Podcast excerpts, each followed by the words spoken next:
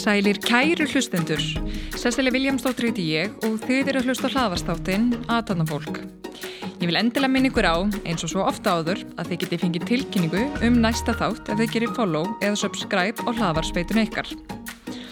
En viðmælandi þáttarins er Margret Guðmundsdóttir, stjórnarkona og fyrvendir forstjóri Æsfarma.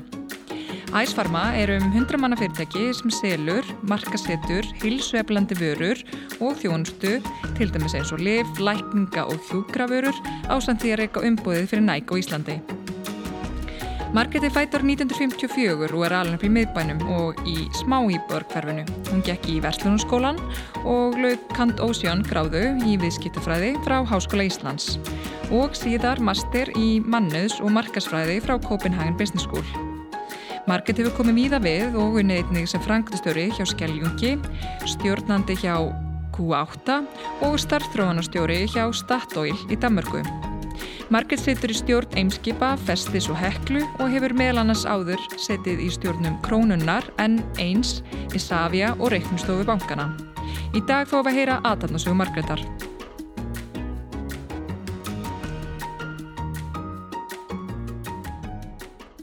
Sæl Margert og verðu hjartala velkomin í þáttinn. E, við hérna hjá Atanfólki, við byrjum bara alltaf á byrjunni, þannig að mér langaði að spyrja þig, hvað ertu alveg upp og hvernig voru aðskárin? Takk fyrir að bjóða mér í þáttinn. Ég er fættist hér á fjölunseginum og uh, ólst þar upp til 6 ára aldurs og, og þetta var mitt svæði, leiksvæði hér í kringum háskólan og, og, og hérna hljómskólagarðin. Ég er yngst fjóður á sískina á dásanlum þrjú sískinni og við fluttum síðan e, í brekkugerðið og þessum fóröldrar mínu byggðu hús og ég bjóð þær þanga til ég flutta heima. Síðan þegar ég flutta heim frá útlandum þá flutti ég aftur í það hverfi þannig að ég kann vel um því þar mm -hmm. Gott hverfi en uh, hvernig svona barn og úlingu varstu?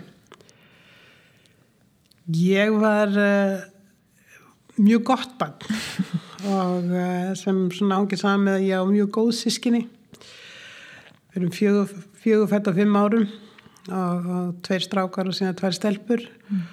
Og uh, elsti bróðurinn var mjög ábyrðafullur passaði mjög vel upp á sískinahópin það var líka ég, þetta var stort fjölskylduhús sem ég ólst upp í. Þannig að amma mín bjóði húsinu, móðusýstin mín bjóði húsinu sína fjölskyldu. Þannig að, að það var bara alveg rosalega mikið gleði og ást og hamingja í þessari fjölskyldu mm -hmm. þegar ég er barn.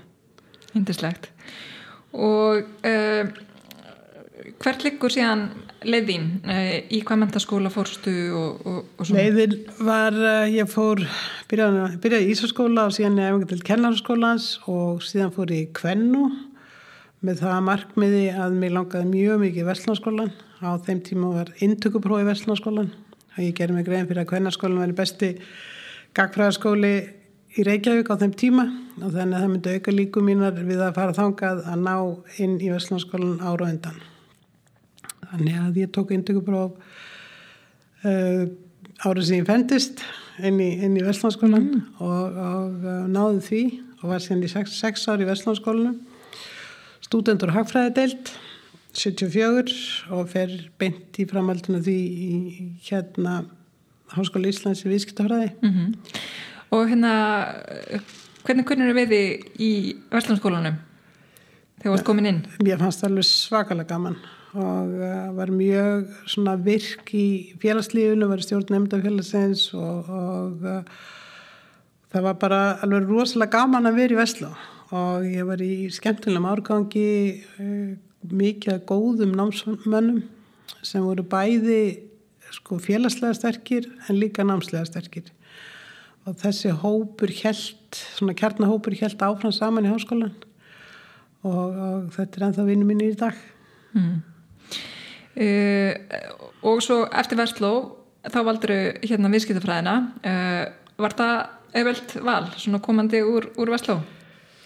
Fyrir mér var það bara að það kom ekki annað til greina sko.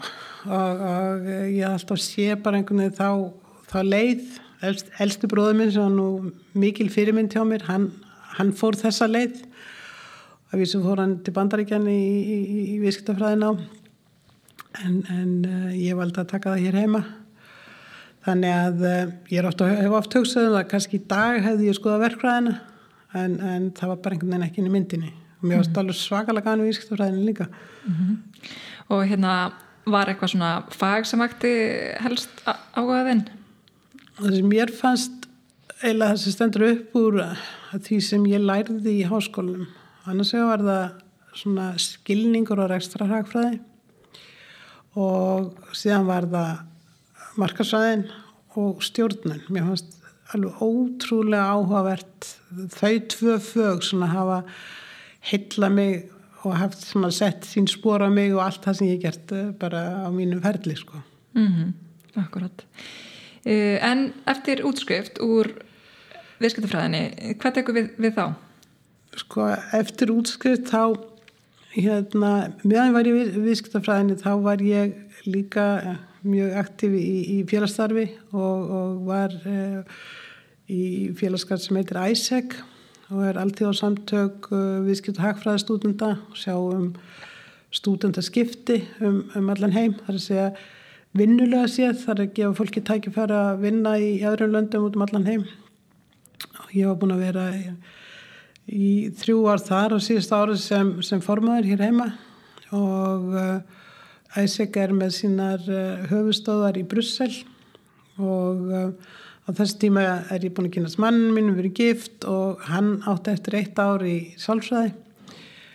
Þannig ég ákveða að sækjum starf hjá ISEC í Brussel og á skrifstofunum þar og fekk það starf sem var mjög, mjög áhugavert. Það er kannski, þarna er kannski það fyrsta sem enginn svolítið mín, mín ferli, ég er svona fyrsta konan til að koma og gera mhm. hlutina mm -hmm. og, og hef aldrei séð það sem hindrun að vera kona og fundist alltaf sjálfsagt að ég geti eins og allra aðrir þannig að um, þannig ég flytti Brussel í eitt ár og, og eh, er þar með ábyrð á sagt, rekstri stúdendaskiptum allan heim sem var ótrúlega mikil upplöðun og, og þessi samtök njóta mjög mikil að virðingar í viskstaheiminum þannig að við vorum með, með um, svona advisory board sem voru uh, sko fórstjórar í mjög stórum alþjóðlegu fyrirtækjum. Og, uh, og það var mjög gott að kynast þeim og hvernig þeir voru ráleika okkur, hvernig þeir voru hugsast svona bara strategist og, og um, hann er það var, það var mjög spennandi ár. Mm -hmm. Góðu tími. Já, það var góðu tími. Og þaðan lási það leiðin til, það var eiginlega augljóst Lúðík vildi fara í framhalsnám ellendis og, uh, og við endum með að fara til Kaupanafnar og þar sæki ég um inn á Vískjöldaháskólan sem heitir CBS í dag. Og ákveða að fara í, uh, í nám í stjórnun. Og það var, ég var í fyrsta hóknum sem lærði Human Resource Management í CBS mm -hmm. og var svona með til að móta það nám. Þannig ég tók það blönda því og marketing. Og uh, það var, var eiginlega fyrsta sem ég var bara í skóla. Því ég var að kenna í Vestlum meðan ég var í háskólanum hér. Og mér varst alveg ótrúlega gaman að fá að vera bara að læra. Mm. og að hérna, vera námsmaður. Þannig að það voru mjög skemmtilega ár og, og, og svona lítill hópur en, en uh, alveg ótrúlega, ótrúlega gott, gott nám. Mm -hmm og hvernig fannst þér að vera svona í Kaupanhöfn á þessum tíma? Mér finnst það ríkalega erfið til að byrja með. Mér finnst danskan alveg ríkalega erfið og sérstaklega að ég kom úr umhverfi að hafa unnið á ennsku í, í ár og þannig að danska var nú mjög aftalega og ég hann aldrei lítið á sjálf með sérstaklega málamannisku en það var eiginlega bara baráttan að læra danskuna mm. því ég var þá sagt, í námi sem var á dansku þurfti að skrifa dansku og hlusta á allt á dansku þannig að það var ekkert annað í bóðu en að ná henni. Og ég hef verið ótrúlega þakklátt til að lært tungumálið. Og eiginlega sem sé mest eftir svona í lífuna það er að hafa ekki svona nota þískuna mínu betur og setja þess að verða góð í þísku þegar maður, ég lærið þísku í fimm ár og, og er ekki eiginlega ekki fær til eins eða eins á því mm. tungumáli sko. eins við mörg já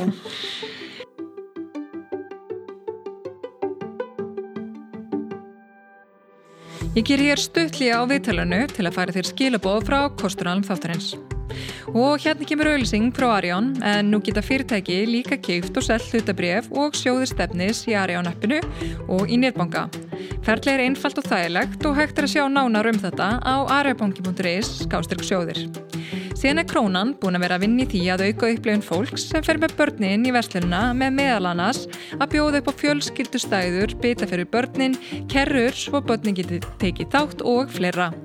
Síðast en ekki síst minni á vilda.æslandir en það er hægt að safna punktum í hversin sem þú greiðir fyrir gæðarstundir með fjölskyldunni, til dæmis eins og í íspíltúr, í sund eða bíó og þú ert nær því að fara í draumafríið þar sem hægt er að nýta punktana.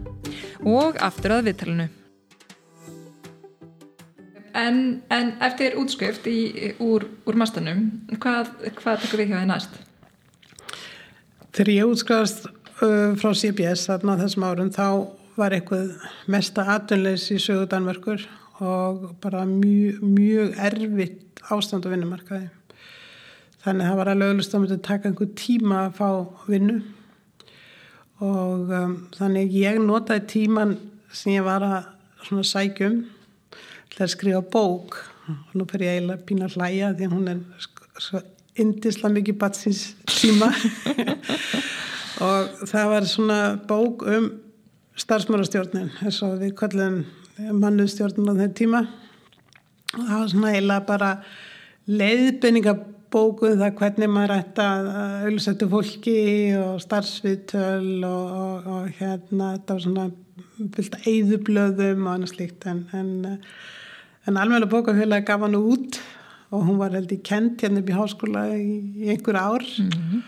og, og hérna þetta var svona fyrstu vísir að mannustjórnun á Íslandi mm. Og þegar ég var búin að skrifa þessa bók þá passaði þá var ég akkur búin að vinna og, og hérna þannig að þá fekk ég vinna hjá Dansk SO og fer þar inn í starfsmannadeildina.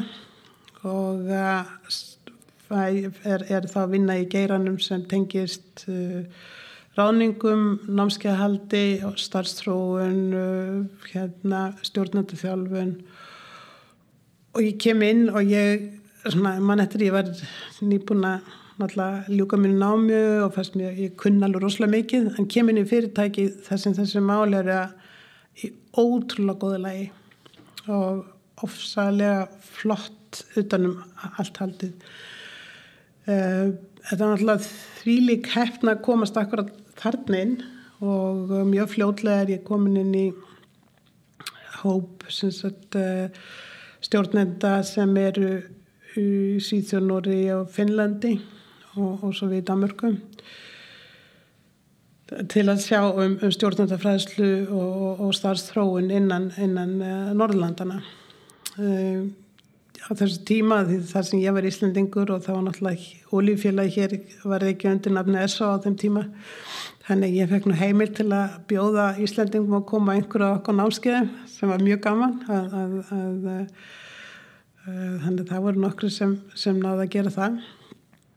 Þetta var uh, rosalega góð þjálfin og setna, setna meira þegar ég er búin að vera í svona tíma þá fyrir við að tengjast meira inn í uh, hjá SO Europe og, og, og, og ég fer inn í hóp sem er þá að sjá um sagt, uh, þróun og efstalagi stjórnenda í Evrópu.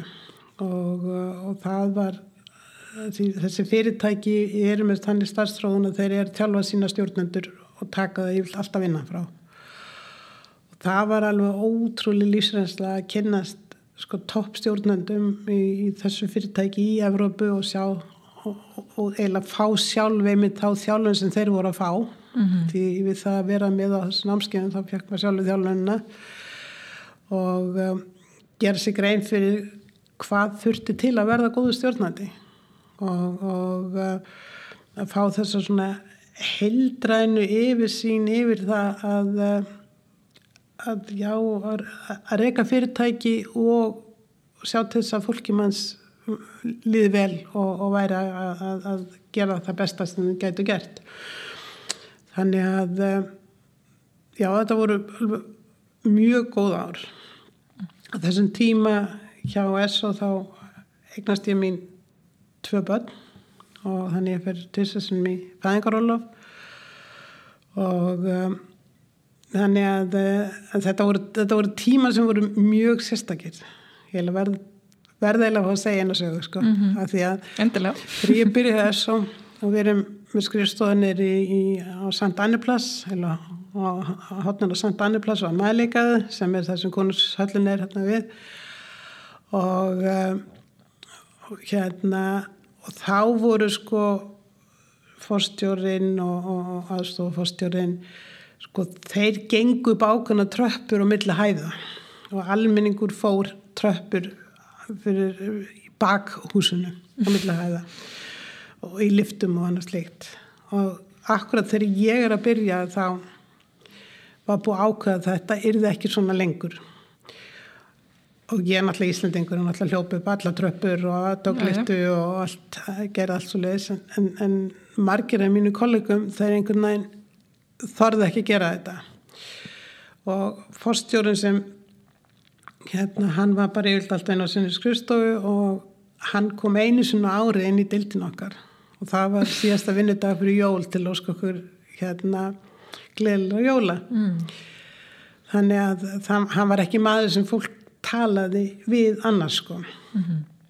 nema þegar að, að eh, ég fer í, í, í mitt fyrsta fæðingarólof þá bjóð ég nú nálat vinnu og var komið dagmömmu sem var mjög nálat vinnu og eh, fæðingarólof var náttúrulega 12 vikur þá þannig ég var með barna á brjósti og hún kom með dóttur mína til mín í hátteginu þannig ég geti verið með hann brjóstu og ég gæti sest bara úti, það voru gardir hann eftir framann og gæti sest bara úti ekki nema þessi fórstjóri sem talaði ekki við neitt hann var orðin mjög upptökin að þessi litla barni og var alltaf að tala um mig og kíkja á barni og, og, og hérna þannig að á svolítið fyndið að gera sér grein fyrir að þetta fólk var bara fólk eins og við mm -hmm. og langaði eiginlega að vera í þessum tengslum en það var búið að setja á einhvern stall mm -hmm. sem það kannski ekki, vildi ekki endilega vera á og þannig að það var svolítið áhugavert að upplifa þessa breytingu, þjóðfællslega breytingu í þessu litlu hlutum. Mm -hmm. þannig að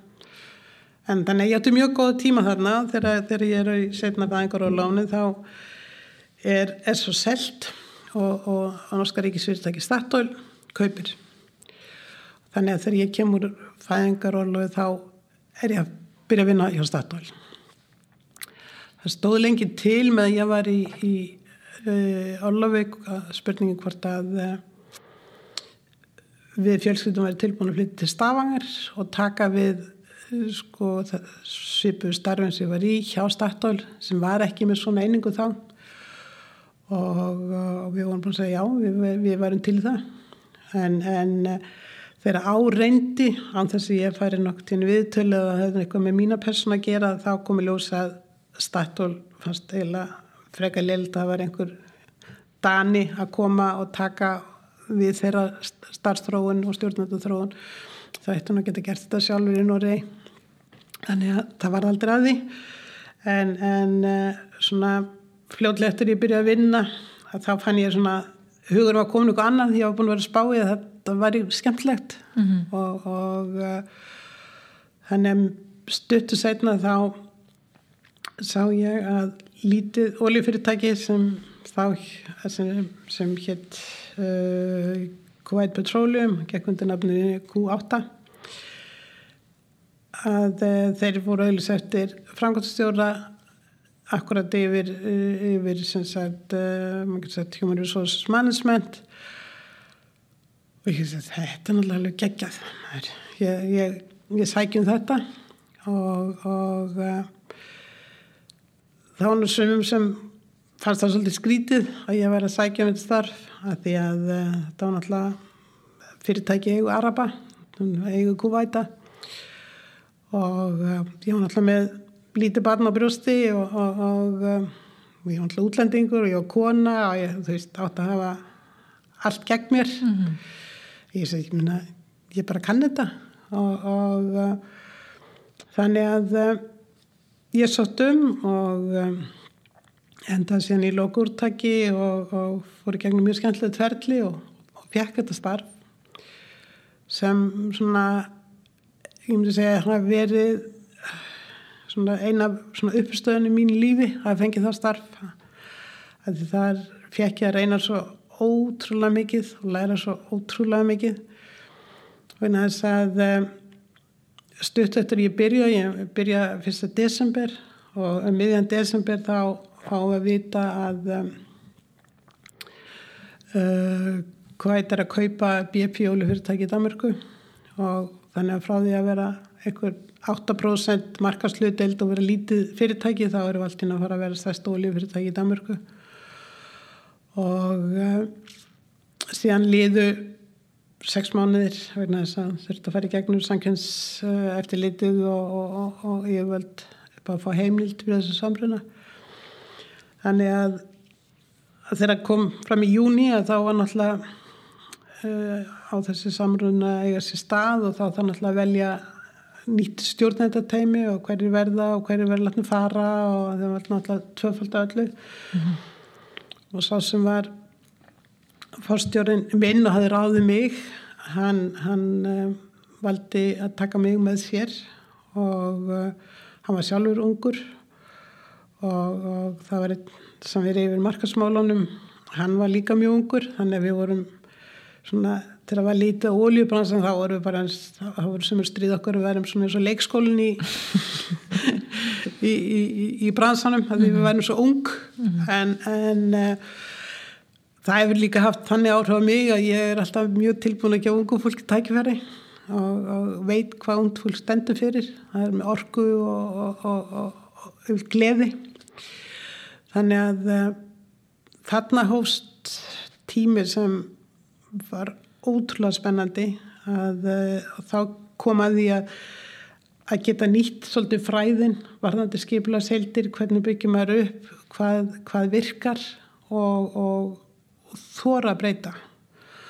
BP var mjög svona hefðbundið, gamaldags, svona, já, það var sko British Petroleum og, og já, í gömlu stíl og Kuwait hafði keift Gulfoil sem var amrist og það var líka allt sko rosalega eftir röglum og stöðlum og, og, og fólk gerði ekki neitt um að vera með mann og allavega annars líf og við svona einhvern veginn gjör byltum þessum kultúr sem fólk er hér, það ber ábyrg sjálft á sínum starfi það, það, það viljum ekki að þurfa að vera með fullt af fólki að kontrollera hver einhver annað gerir maður er, er sin eigin gæðastjóri og uh, miklu opnari stjórnandastíl og um, þannig úr þessu varð mjög spennandi fyrirtæki og um, á þessu tíma var svolítið um samrun akkurat svona að byrja í Danmörku og þannig að það var svolítið fókus á að stjórnandalega séð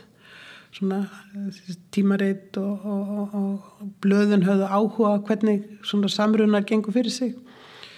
Þannig að um, við vorum svona dæmum mjög velhæfnaðan samruna og, um, þannig að á þessum árum var ég ofta flytja fyrirlistra bæðið á Mörgu og í Evrópu um samrunu fyrirtæki þannig að þetta var ótrúlega skemmtilegt verkefni mm -hmm. sem, sem ég var stolt af.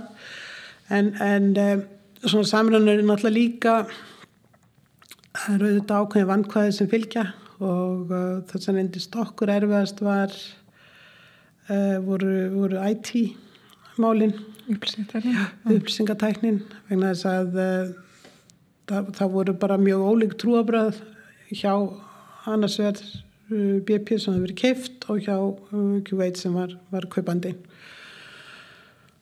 Og um, og það, það var svona stanslust inn á, á Frankfurtstjórafundum og, og, og allir pyrraðir og, og leiðindi í kringu það.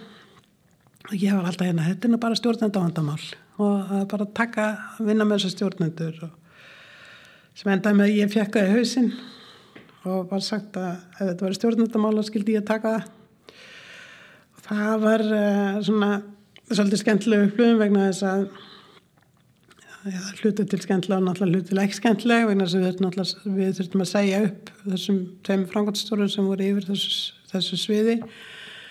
En þegar við erum að fara að tilkynna það morgun eftir að þessa breytingar átt sér stað og fórstjórun og ég förum inn í deildina þetta er svona 50 manna deild og var að segja að þeir hafi semst hægt og nú sé að koma nýri umaður og hann segir og það er Margrét.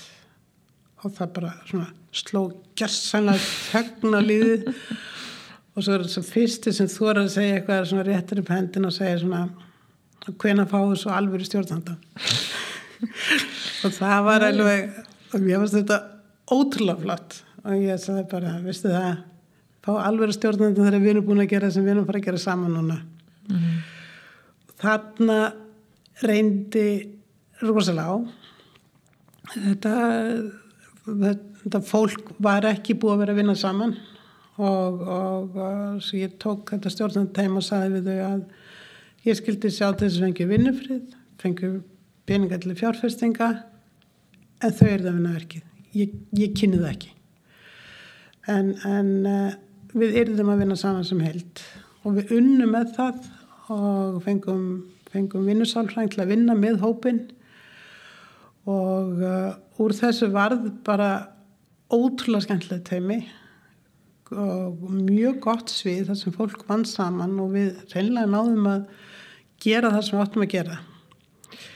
Og hverju munaði þarna mest? Hvað var það sem breytist? Ég held það var svolítið fyndið sko þetta voru allir þessari yfirmenn voru, voru kallmenn og uh, einn þeirra saði eins og við með Margrét þú ert besti yfirmaður sem ég nokti mann haft vegna þess að þú veist og þú veist ekki neitt. Ég er nú ekki tilbúin að trúa því? Var, Jó, sko í tæknilega séð mm -hmm. þá veist ég ekkert mm -hmm. og, og hann var mjög klár og hann sagði ég er búin að ströggla í alla mína tíð með einhverju yfirmenn sem telja sig vit eitthvað og er að hafa mikla skoðun og hafa eiginlega bara verið svolítið hraða hindrun í að gera það sem þarf að gera en, en, en það sem ég hef enga fórsendur til að þekka það, þá var ég bara tristunum mm -hmm. þannig að hann fekk að byggja upp uh, allar tengingar við tölvurnan millir neytenda og, notenda og, og hérna inn í, inn í, inn í tölvurnar og uh, þannig að það var skapað svona ákveðin vinnufriður en það skapaðist líka að mér tókst að láta þá vinna saman. Þeir hefðu ekkert búið rosalega miklu virðingu fyrir hverju öðrum en, en gegn þess að vinna með vinnusálfræðinum þá gerði þessi grein fyrir styrklega hvers og eins þannig að þá fór þetta að ganga. Kollega mín í framkvæmdastjórn þeir eru svo rúslega fegnir að vera ekki settir í þetta starf. Ég hef búin að segja við þá áðinni hérna, þáði starfið þið verða að baka með þið verða að gefa með vinnumfræði og uh, pluss að, uh, að sá sem var yfir þessu í, í, í London sem var okkar uh, höfustóðar hann bakaði mig líka upp og stutti það. Að ég fengi peningar til fjárfestinga og annars líkt þannig að uh, það er svona lögðust allir og eitt að láta ganga. Mm -hmm. pluss að ég hafði yfirmann sem hafði trú á mér. Það, það skipti móli mm -hmm. en þetta var drullu erfitt. Mm -hmm. Já, en hérna þú hefur vantilega þróskast mikið á, á, á þessum tíma og þú ert náttúrulega um í um einhver sjö ár hjá hérna fyrirtekinu Ég er í tíu ár þarna. Tíu ár, rétt skar rétt. Já, og eftir ég kláraði þetta tölvumál, þá sagði ég, nú, nú er þetta komið, nú má ég fara að gera eitthvað sem ég langar alveg rosalega að fara að gera. Og, um, og þá fer ég og tek við fyrirtækjasuðinu sem var lang, lang stærsta tekeiningin og, og þar eru allir kunahópar, það var uh, húsitun, það var flugið, það var uh, hérna... Uh, all, all flutningarstarf sem einn, það var yðnaðurinn og, og, og, og hérna þannig að um, það var alveg rosalega gaman að fá það og fara í þetta sem er meira salamarketing og samt að vera með svo stort heimi að stjórnunum skiptir líka máli. Þannig að Já, og hérna hvað er bara svona hæst á, á þessu tíu árum hérna hjá uh, Q8 Ég held að það voru svona tvent þetta að, uh, að fá að byggja upp skipularseild út frá minni sína á hvernig stjórnun þetta vera og hvað væri góð stjórnun. Það er annars vegar og hins vegar hafa lifað af þetta upplýsingakerfis Akkurat uh, En eftir þannan tíma þannig hjá Q8 hvað er að tekur næst? Það sem tekur við er að uh, Kristinn Björnsson sem þá var fórstjóri Skeljóngs uh, bæði með að hitta sig í Kaupanöfn og, uh, og þá og hérna vill hann byggja mjög um að koma og, og, og til starfa. Og þá hafði hann í huga að breyta skeljóngi og breyta struktúrnum og hérna vildi fá mig með þá verkvært við hýttist á hausti og síðan svona voru svona aðeins samræðar á millokkar í veturinn og, og, og ég sagði allavega að ég myndi aldrei koma fyrir að voru þegar börnin væri búin í skólunum þannig að þegar fyrir að líða vorunu þá náðu við, náðu við saman um að myndi, ég myndi flytja heim og, og við fjölskyldan voru þannig sem tilbúin í það það var alltaf spurning hvernig ætlaði að flytja heim og þetta var bara alltaf, svo gott að vera í Danmarku og barna gæsla svo fín og, og sem myndum aldrei fara fyrir þurftum ekki að vera með börnin í, í, í gæslu. Og eh, og hérna þannig að í mæ 80, nei, 95 þá ákveði ég ég, ætla að hætta í hjá Kjuveit hveið alveg gríðarlega fyrir því að segja upp. Og uh, eiginlega sem ég hveið mest fyrir vegna þess að það var bara svo rosalega mikið mitt fyrirtæki og uh, og með að ég var frangotstjóri ég var að vinna hjá Skeljungi sem var náttúrulega liður í sjálfsamstöfnu sjálf hlutafi í Skeljungi. Þá gerði fastlega ráð fyrir því að ég erði bara leitnir og skristofn og pakkað saman og slögt og öll og ég færi út. En um, minn, minn fórstjóru brást þá þannig við hann sagði Margreit ég vil ekki missa þið strax. Þú ert að vinna hérna ákveðna stjórnmótuna vinnu fyrir okkur núna og ég vil klára það verkefni á þennan ferða hætta. Mm -hmm. þannig að um, ég hætti ekki fyrir fyrsta september það ár og þetta er alveg ótrúlega vænt um þetta. Þannig að þó að hann var að senka mér að, að þá fannst mér svo mikil, mikil tröst í því að, að gera þetta þannig hátt mm -hmm. þannig að þannig að minn viðskilnaðan ekki veit var einstaklega góður og, og um, ég á svona frá mínu bestu vinum eru hafa verið starfsmenn Q8 og stjórnandi þar mm. framöndu skamt En uh, hvernig var svo að koma til Íslands eftir allan að tíma úti? Mér fannst það alveg rosalega gaman að koma heim og uh, ég held að það er náttúrulega ákveðin svona luxus að maður kemur úr starfið framkvæmstur úti og maður fer í starfið framkvæmstur hér heima. Þannig að við erum ekki að upplifa eins og kannski margir námsmenn sem koma heim sem hafa kannski svolítið gott úti og svo er þetta alveg ríkald bast þegar maður kemur heim. Við vorum bara þeirri stöðu að við gætum selt hús okkur úti og gætum kæft okkur húsinu heima og það er svona allt það fyrir allt í svona uh, fast á skorður eins, eins og skot þetta börnin er ný og ell ára gömul og þá þarf að hjálpa þeim með tungumálið og, mm -hmm. og, og, og annars líkt en uh, mér fannst ótrúlega auðvöld að koma heim og maður bara, maður plöggar sig inn í fjölskyldunum, maður plöggar sig inn í saumaklubin og það er sem maður aldrei farið mm -hmm.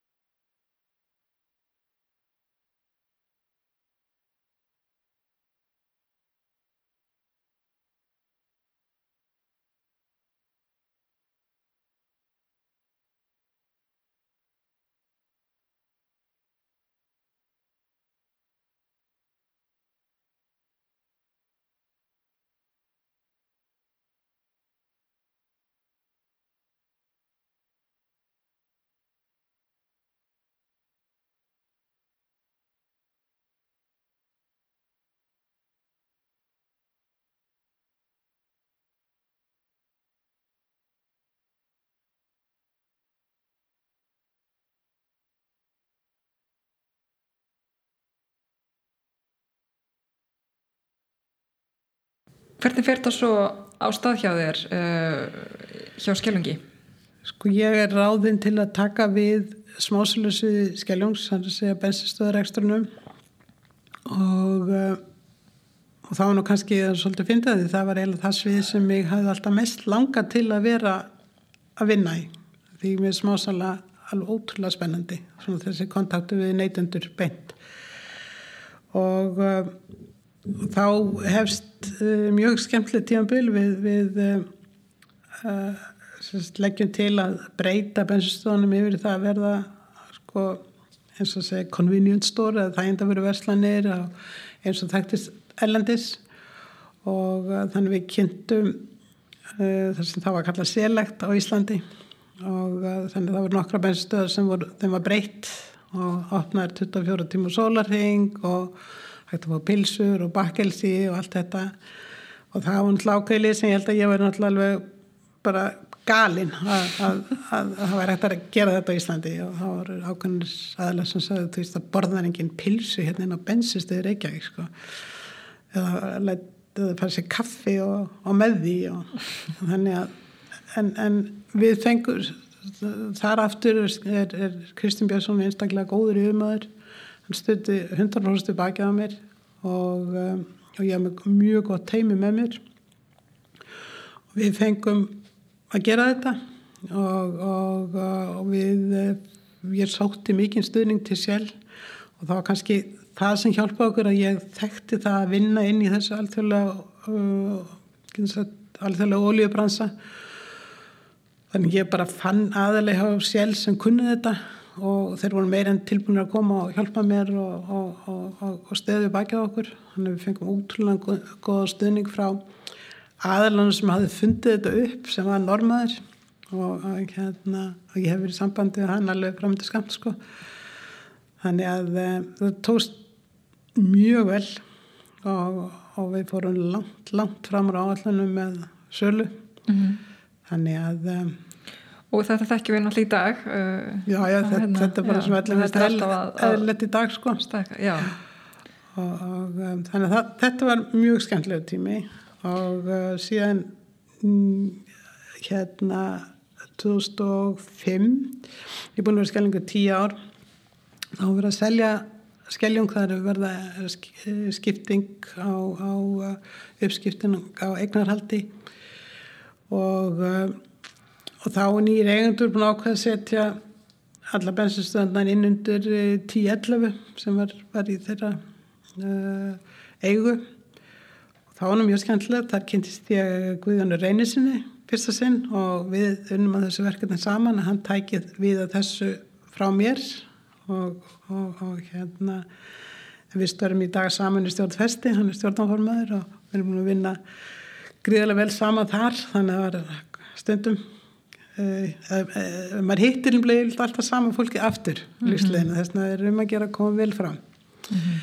þannig að eftir að, að uh, þetta er, er að gerast og þá er ég nú eiginlega búin ákveða þegar ég myndi klára þetta á skellingi myndi ég nú lefa mér að fara í svona fæðingaróla því ég aldrei alveg tekið gott fæðingaróla en ég komst ekkert í það því þá var mér búið starf og um, þá var hérna Atorka sem var, var þá og hétt þeir voru búin að vera að kaupa upp nokkuð fyrirtæki og um, meðal annars Östubakka og spuru hvort ég væri tilbúin að taka við því og uh, ég gerði það uh, Og hvað var Östubakki að gera þessum tíma? Östubakki var innflyttinsfyrirtæki þeir voru með alls konar, þau voru með eh, umbúð fyrir næg, þau voru með vindelt, þau voru með yðnavörur, þau voru með liv, þau voru með lækningavörur.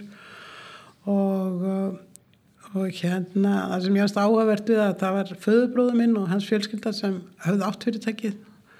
Og, og um, voru nýbúin að selja það til, til aðtorku og Östubakki nafnið var nafnið á, á bænum sem pappminn fættist mm sem var nú hér eða húsuna var hér í Reykjavík sko en allavega þannig að uh, ég fyrir þar inn og flótlega eftir að, að uh, ég tek þar til starfa að þá er við beðnum fjármálastjórun sem var nú einn af mínu góðu vinum, hann og tilvílun hann var þar inni eitt sem var með mér í gegnum Vestlandskólan og Háskólan og gifti mínu bestu vinkonu og allt það. Við erum beðin um að skoða hvort við viljum taka einhver fleiri fyrirtæki innan aðtorku samstöpunar og uh, samina, hvort það verður grundvöldur fyrir að skapa starri einingu. Við skoðum það og, uh, og erum, leggjum til að samina Östubakka hérna, og, og, og uh, við æsvarma og hérna eitt annan fyrirtæki sem er upp, í, upp á Linkálsunum og við leggjum til að verða undir nafni Æsvanma sem var þá uh, nýtt nafn, nýbúið kynna búið eitt ára á markaði. Og uh, förum í gang með það. Og það var líka það var samræðin sem tókst mjög vel uh, var vel tekið þegar við fluttum, við fluttum þá að Köllana Klessvegi sem Östubakja á skrifstofur upp á Linkháls í húsnæði sem æsvarma og, og Vísmed sem þar hitt, hitt fyrirtæki sem var með okkur í. Þannig að eh, flest starfsfólk, það stærstu lutin var þar upp frá, seljum frá okkur vindeildina, yðinardeildina og og endur með að vera bara sem við tökum á Östubakka er, er nægdeildin og liv og lækningatæki. Og hún er eiginlega pínu fyndi með, með næg og þess að við ætlum að losa okkur við það líka það var einhvern veginn ekki, hafði ekkert með heilsu að gera. En uh, þegar að fulltrú á næg voru búin að skoða markaðin og við vorum að reyka það ágætlega voru búin að mm, svona taka svolítið til í það og gera, gera, voru fann að gera þetta vel og þá spurði maður getur ekki, ekki getur þið virkilega ekki reykja þetta áfram fyrir okkur? Þannig að við tökum ákveðinu og við ætlum að gera það. Og, uh, og síðan hefur verið ótrúlega gaman að fylgjast með þeirri vegferðinu sem við hefum verið svo heppin að vera með frábæra stjórnendur uh, sem að halda utanum það og í dag er hérna heils og íþróttusið æsalma ótrúlega öflugt stort og, og hérna hefur vakið aðtegli hjá uh, næk hvað, hvað þessi stjórnundu voru að gera góða hluti og voru að koma til Íslands þess aðeins að bara, bara hvað, er, hvað er það að gera sem gerir þetta svona vel? Þannig að þannig er alveg topp fólk sem var allt ráskilið mm. þannig að uh, og síðan uh, að koma inn í, í lífjageiran og, og, og, og lækningageiran og náttúrulega, ég vissi náttúrulega ekkit um það, kunni ekki neitt. Og ég sagði einar sem hjálpaði mér, ég kunni dansku, það var svo mikið samskiptum inn, í, inn til Norrlandana mm. En uh, mér finnst það alveg ótrúlega, ótrúlega skemmtilt verkefni að koma að og og það sem var ánægilegt mér varst fólkið strax uh, sína okkur mikið stuðning þráttur að, eins og ég segi ég kunni ekki neitt og vissi ekki neitt. Þannig að einhvern veginn aftur þarna er þetta kannski svolítið spurningum tröstið á milli stjórnenda og starfsmanna. Þannig náttúrulega luxusin að fólki er hámentað sem er að sinna þessu störfum. Það kann og veit. Og, og þannig að eins og ég líti á það þá er það hlutur stjórnandans að skapa umgjörð og umhverfi til að fólki geti þrifist og fengi að vinna vinnuna sína. Þannig að um, þannig að við, fyrirtæki hefur vaksið og, og, og dapnað og síðan 2007 þá vil aðtorka draga þessu útrúsu og vil selja fyrirtækið. Og, og uh, við erum þá hópur sem veljum að kaupa það. Og við, þessi hópur er enda á að mestu leiti sami hópurinn sem fór, tókum, tókum fyrirtæki í gegnum eruleikanu varandi hrunnið og, og, og hérna hefur maður stækka samsetninguna vegna þess að, eh, að Pallókir sem var uh, var líka innan aðdorku að er núna hluti af okkar uh, hérna sett, sett upp mm -hmm. þannig að eh, já, og hérna þetta, það er svona dreifingafyrirtæki það er dreifingafyrirtækið já. Já.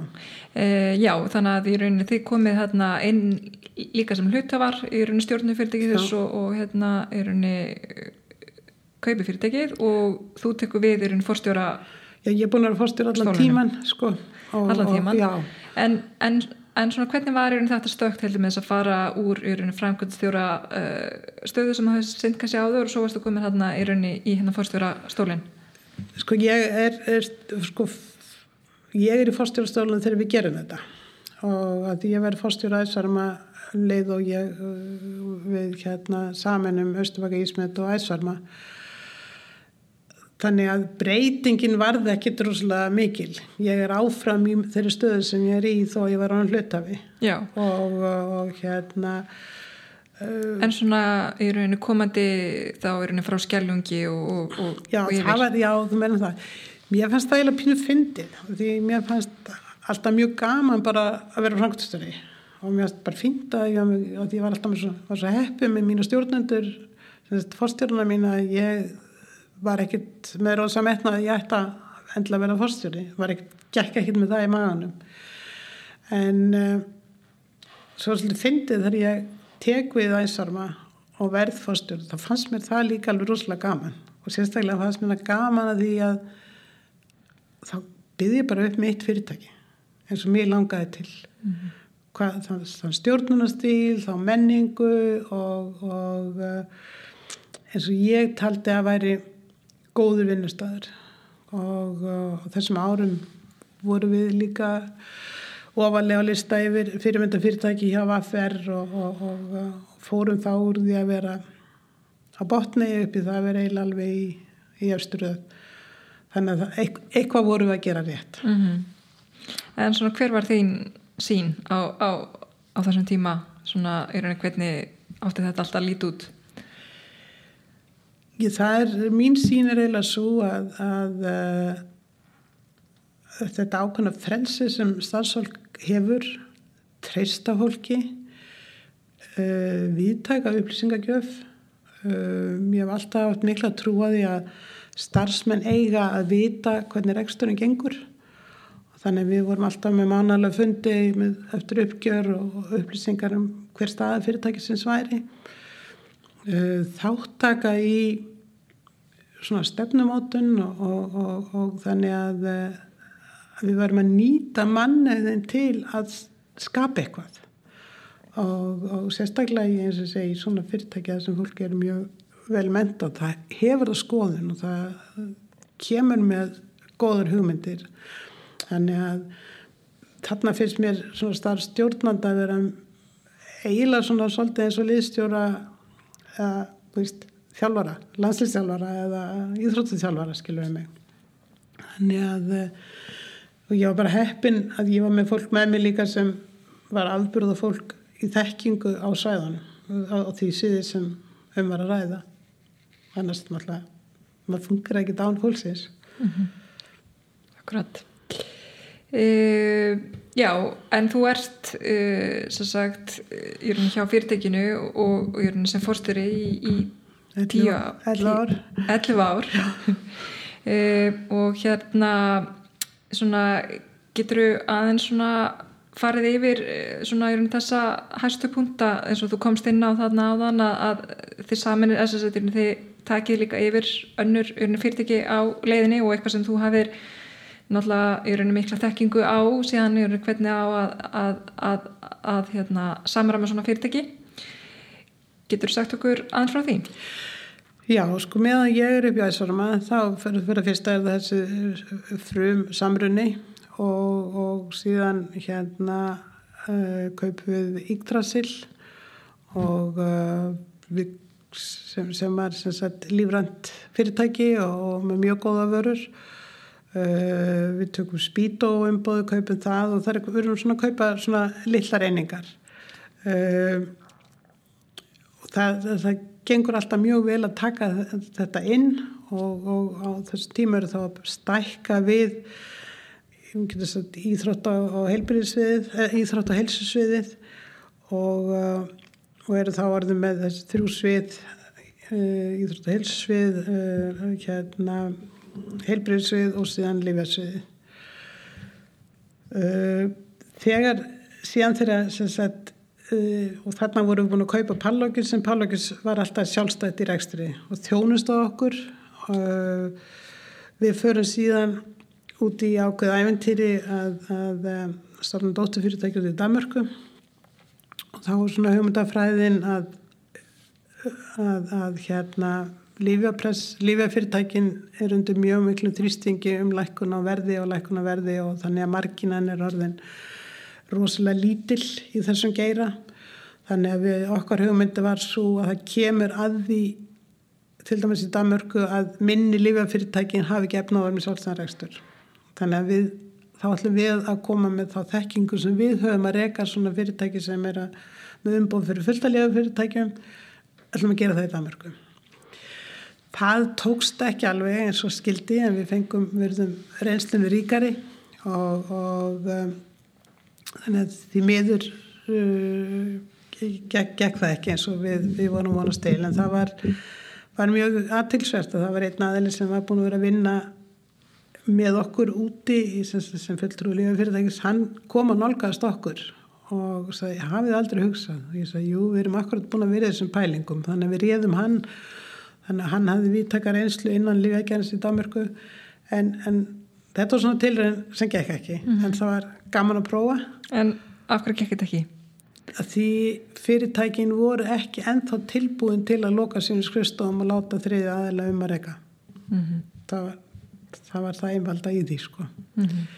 en maður þurfti að byrja til aðtók hvort að það myndi gerast við fengum mm -hmm. einhver, smá verkefni einhver, en, en það var ekki nægilega mikið til að standa undir fyrirtækinu mm -hmm. uh, úti Nú, en, en síðan sem hefur gæst síðan hætti ég sko 2016 og, og hérna kemur inn frábær fórstur eftir, eftir mér og uh, Hörður Þóróldsson og hann stuttuð eftir að hann er komin að þá kaupum við hérna Levis sem er, er samhættilega fyrirtæki sem var mjög gott. Það var svona hluti sem var búin að vera að gæla við í mjög mörg ár. Það væri gott að fá inn og þarna skapast það tækifæri. Og, og síðan er það sem búin að gerast uh, í, í æsvarma og, og tengt, þessu tengdu fyrirtæki mér að það Eh, var stopnað síðan sagt, móður fyrirtæki núna yfir allas samstöfuna sem, sem stýri það bæði Pallogis og Æsvarma og Livís og, og, og eh, sem var svona góð þróun að, mm -hmm. að gera mm -hmm. þannig ég er ennþá í stjórn sko eignaldsfélagsins en er ekki að koma dælega rækstri mm -hmm. ekki lengur uh, Já, uh, hérna og þú komst alltaf inn á hérna eitt hann sem þið reyndu sem gekk ekki eftir eins og, eins og of, oft er. E, en svona getur þau aðeins svona sagt okkur e, frá vextinum e, á þessum tíu ár e, á þessum tíu árum? Þannig að vex alveg töluvert hjá okkur fyrirtækið og stendur stöðugt í dag. Tölusmá um hlutverk, hlutverk stjórnandans. Eins og þú, þú náttúrulega skrifaðar bók á hérna sínum tíma um, um náttúrulega starfsmannhald og, mm. og, og svo náttúrulega hefur hilmikið náttúrulega breyst á, á þessum tíma. Svona, hvað myndir segja að segja svona helsta breytingin sem hefur kannski gerst á þessum, ég veit ekki, 20-30 árum? Sko, mér finnst mér finnst ennþá stjórnendur eh, eftir að læra mikið. Mér, því miður finnst ég mér er ég ofta að upplifa að stjórnendur er ekki að taka þá stjórnanda ábyrg sem er verið að greiða þeim fyrir. Og, uh, og það er þessi kannski skortur á heiðarleika eða, eða koma reynd fram við fólk. Og ég held að sé of mikið af fólki út í þjóðfélaginu sem hefur mist vinnuna og veit ekki að þann dag í dag af hverju það misti vinnuna. Og, um, og það er svona Já, ég vildi óska þess að við okkur tækist að þjálfa stjórnendur betur upp í þessum mannlegu samskiptum og að taka ábyrð.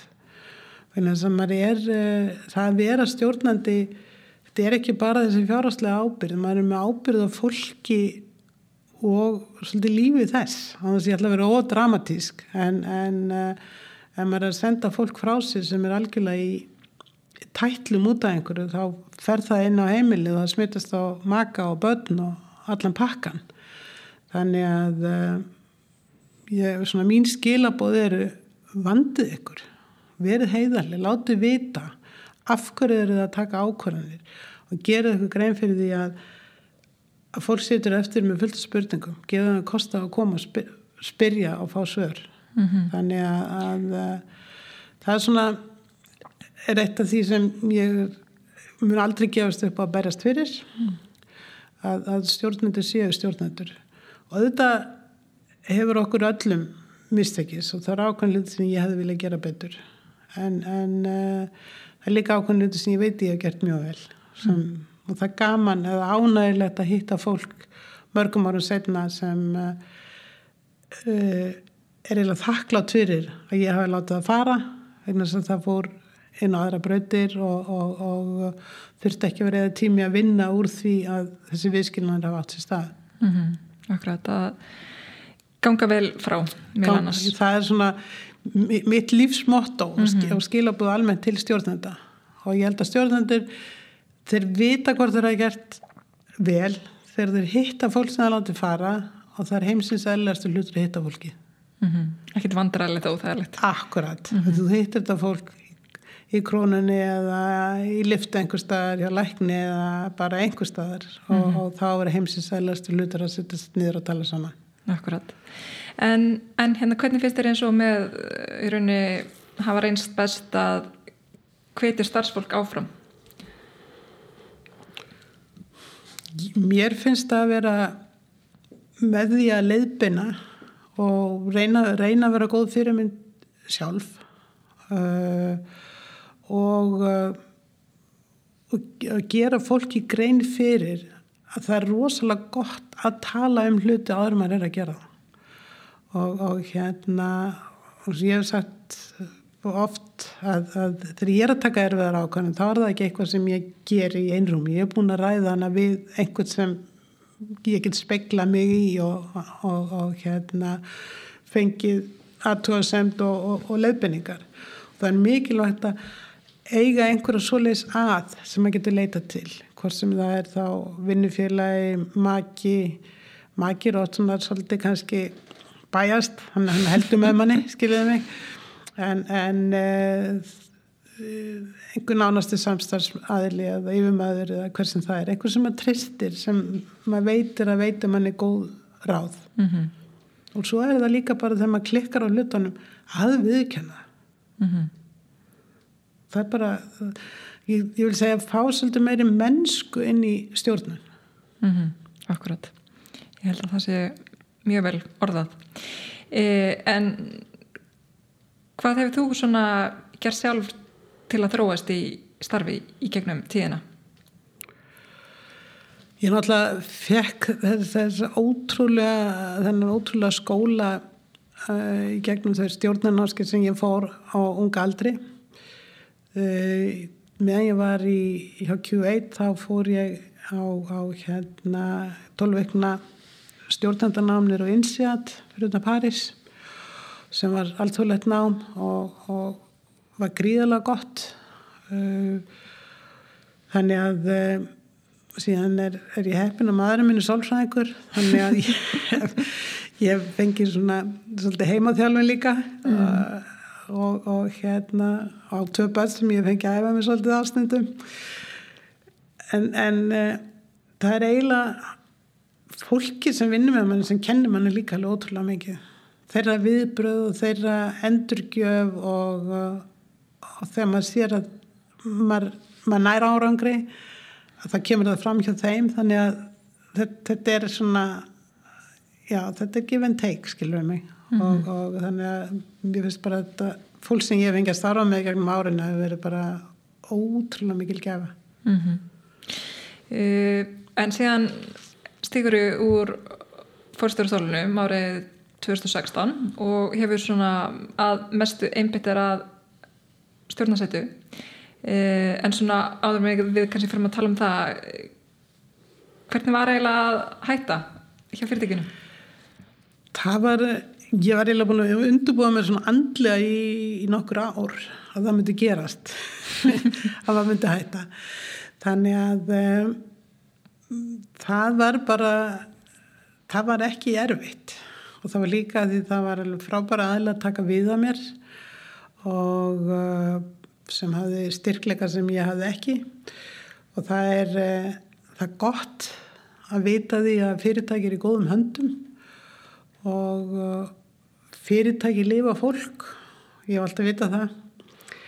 Þannig að uh, mér fannst svona eiginlega rosalega gott að fá loksins svolítið tíma fyrir mig mm -hmm. áður en ég væri alltaf gömul útbrennin þannig að, að um, þannig að mér fannst það eiginlega bara mjög gott mm -hmm. Og hvað ertu þá búin að vera að gera hérna auk, auk stjórnastarfana sem verðaðum eftir? Fyrir utan að vera í stjórnastarfum þá er ég hérna skóarbondi Já. Og, og hérna við fjölskyldan erum með Jörðvestra og Snæflsnesi og uh, þar erum við með samning við skórættina, svo kallar bændaskórætt og, uh, og við erum búin að planta þar í einhverju 130.000 trjám Kjart. og þetta tekur, þetta tekur tíma. Já. Þannig að, Já, að ég finnst það svona það er ákveðin tilgangu með því. Mér finnst uh, þetta er svona ákveðin ábyrð eins og að vera í eins og stjórna fólki að þannig erum við að skila landinu og, og náttúrunni betur. Þegar hún er betur sett þegar við erum ekki lengur heldur en að við hefum ekki verið. Mm -hmm. þannig að uh, það er svona pínu hugssjón líka í þessu. Mm -hmm. Akkurat, klæsilegt eh, en ef við tölum að þessum stjórnarsætur, þú hefur settið í mörgum stjórnum og, og núna hérna, fer ég að telja upp satt, meðlan sem stjórnumæður hjá Festi, Imskipum, Erbi, Enneit, Ísafja, Krónunni, Heklu, félagi atverðarreikenda og, og, og fleira. Eh, hérna, hvað þýðir svona fyrir þér að setja í stjórn fyrirtækis og Getur sagt hlustendum þáttarins uh, hver svona megin ábyrð stjórnamanna eru? Já, stjórnamenn uh, byrja náttúrulega ábyrð á að, að uh, allum lögum og reglum séu fyllt. Í dag, mér finnst uh, rosa mun á að setja stjórn í dag, til dæmis gráðufélagi heldur en var fyrir 10-15 ára síðan. Þegar, þegar uh, stjórnarmenn voru ekki eins óháðir eins og þeir í dag vorum, við, við vorum svolítið að læra í þessi þjóðfélagi hvernig það var þegar líf, lífri sjóðunni fara inn og eiga bara stóna hluta af íslenskum fyrirtækjum að þá voru þeir miklu meira vildu fá vitneski frá sínu fulltrúum og öðru slíku Lífyrsjóðunni fóru í gegnum góða stjórnarhætti og, og ég held að þeirra vinna smita síðan inn á fyrirtækin í góðum stjórnarháttum inn í fyrirtækunum. Uh, þannig ég held í dag lítum við öll á okkur alltaf sem fulltrú allra eigenda og tökum ákveðinu með það að leiðaljósi.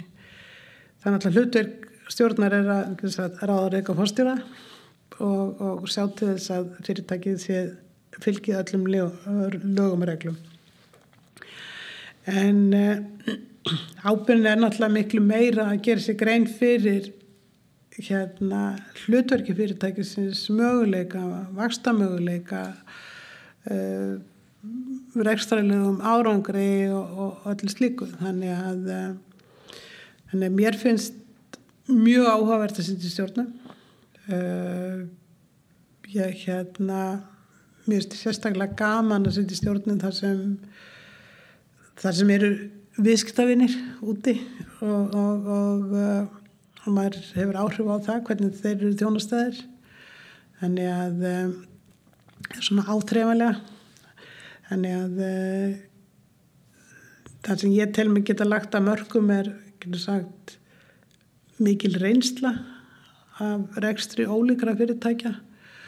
Um, hvernig maður byggjur upp skiplóseldir og, og hvernig maður setur saman teimi geta verið stuðningur við stjórnendur og gera sér grein fyrir að maður er ekki, maður er ekki inn í fyrirtækinu, maður er ekki að skipta sér af daglegur ekstri, það er einhver annar sem er með það.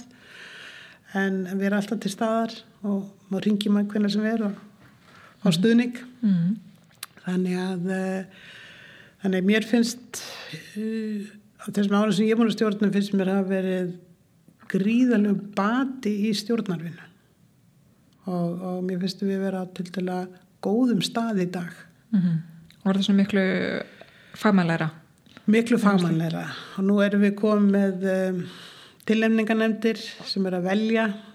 Það er, það er pluss og mínus að viða og, og uh, ég held að við erum að aðeins að sjá það kannski lengur hvort að hvort það, hvort er gæfilegt eða ekki gæfilegt skilur við mig. Ég hef alveg verið jákvæðgangvort í það sé. En, en, en uh, það er svona stoppaði svolítið að fólk þyrðir síðan að bjóða þessu fram. Það er síðan aftur að breytast núna að þó tilendingarnefnina sé að stinga upp einhver þá er fólk farið að þóra að bjóða þessu fram mm -hmm. sem er jákvætt. Sáðu það núna með, með hérna uh, Íslandsbanka að uh, það kemur aðilinn sem var ekki hlut ekki hérna stuðning til nefningnefndar en er kosin mm. þannig að um, já, þetta er, þetta er góða breytingar mm -hmm.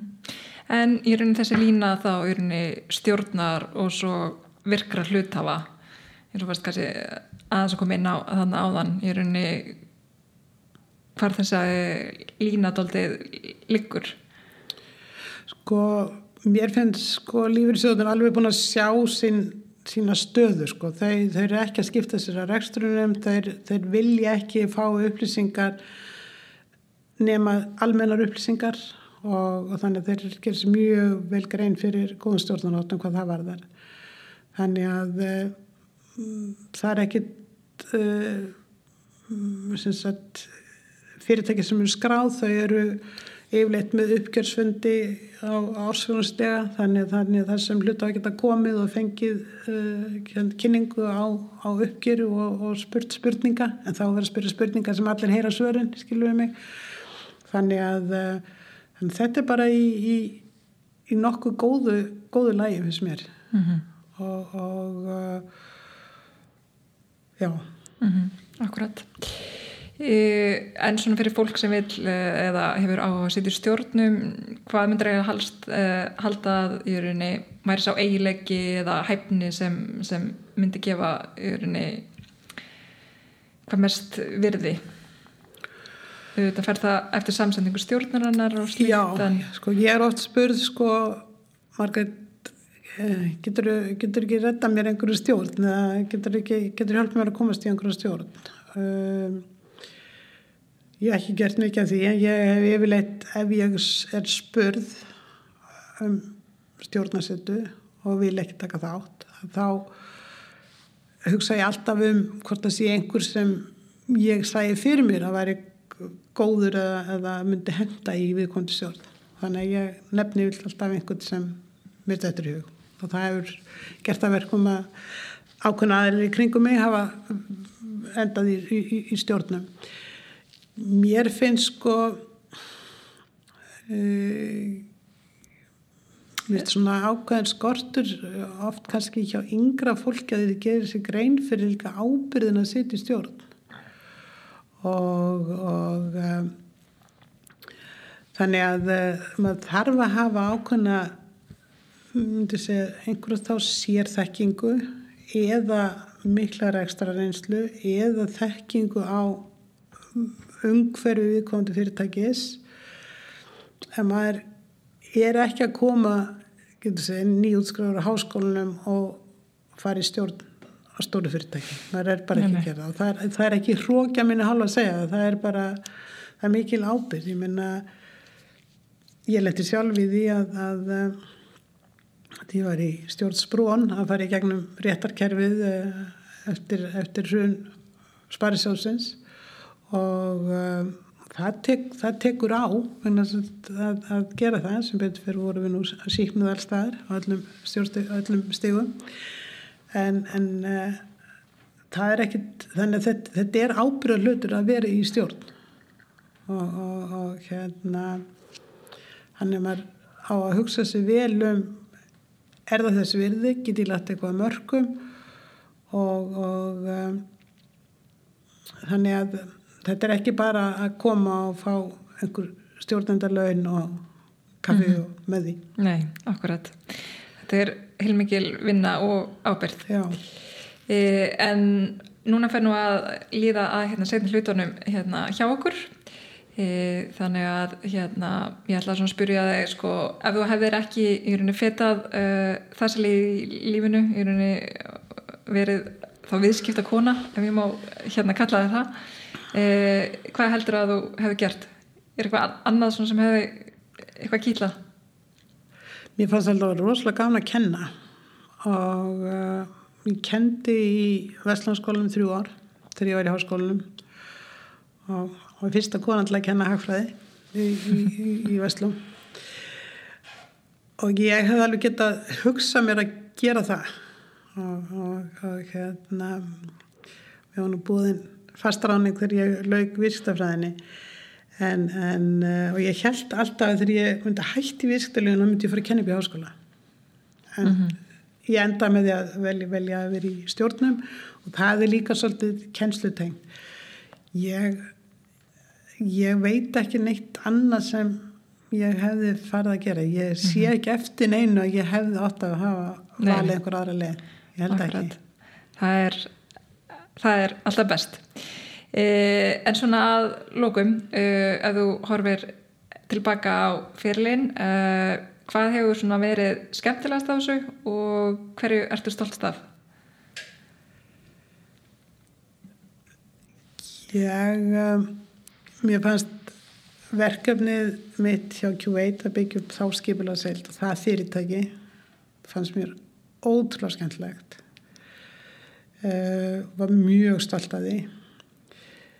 En sama finnst mér við æsvarma ég finnst að það veitti mér mikla gleði og hamingu að gera það.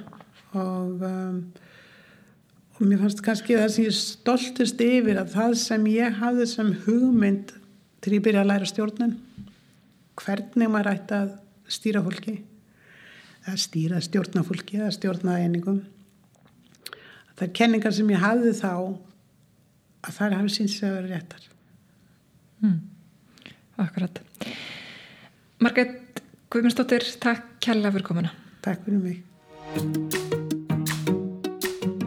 Ef þú vilt heyra fleiri sugur af aðtapnafólki þá hveti þið til að íta á subscribe-nappin á hlavarspöytunni þinni og fylgja okkur á samfélagsmiðlum. Ekki missa á næsta þætti